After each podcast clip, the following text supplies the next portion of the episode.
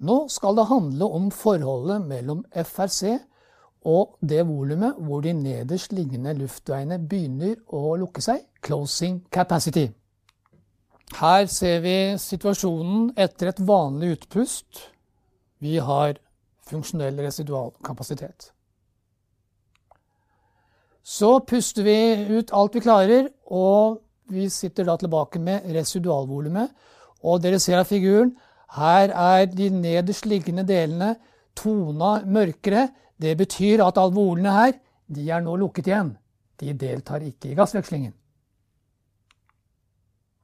Og så har vi det volumet som ligger imellom disse to volumene, FRC og residualvolumet. Det er closing capacity. Det volumet hvor de nederst liggende luftveiene, alvolene, alvolegangene, begynner å lukke seg, markert da med en antydet uh, mørkere farge nederst. Slik er det i normalsituasjonen, i hvert fall når vi står oppreist.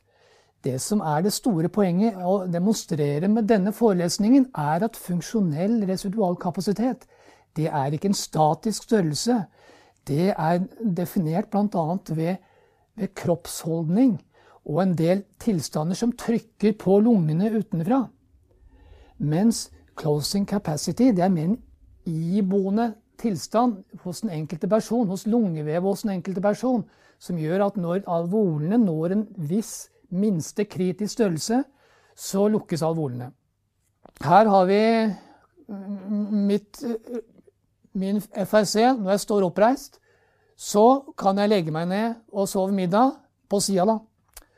Og vil da mitt FRC være uendret? Nei, fordi eh, mageinnholdet vil da presse diafragma oppover, og det blir mindre plass til lungene.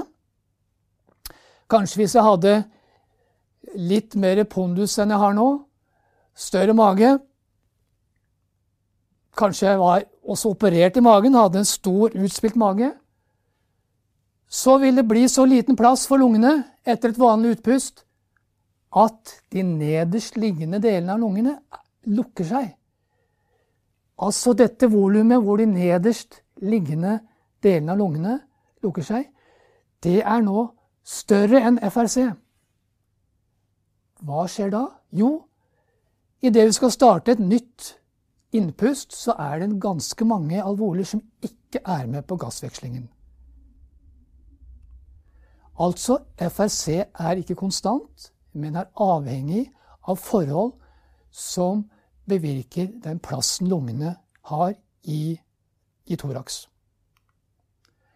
Mens closing capacity det handler bare om at når alvorene når en minste størrelse, så lukkes de igjen pga. den eksisterende eh, overflatespenningen. Her er dette illustrert med en figur. X-aksen viser alder i år. Y-aksen viser lungevolum. Den øverste rette linja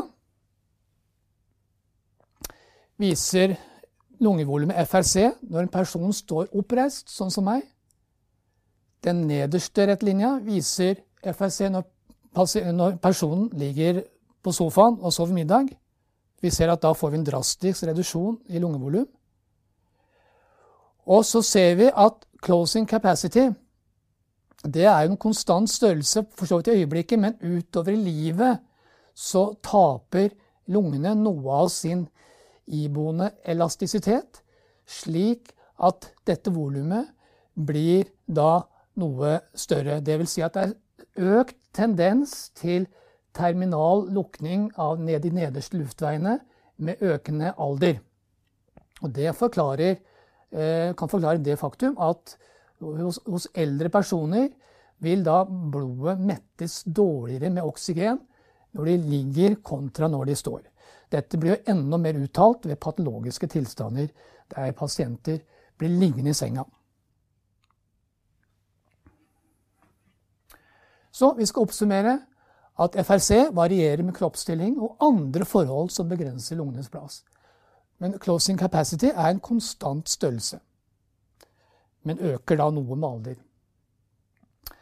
Og dersom funksjonell residual kapasitet reduseres slik at de nederst liggende lungeavsnitt er lukket, vil ikke lenger alle alvorene være med i ventilasjonen.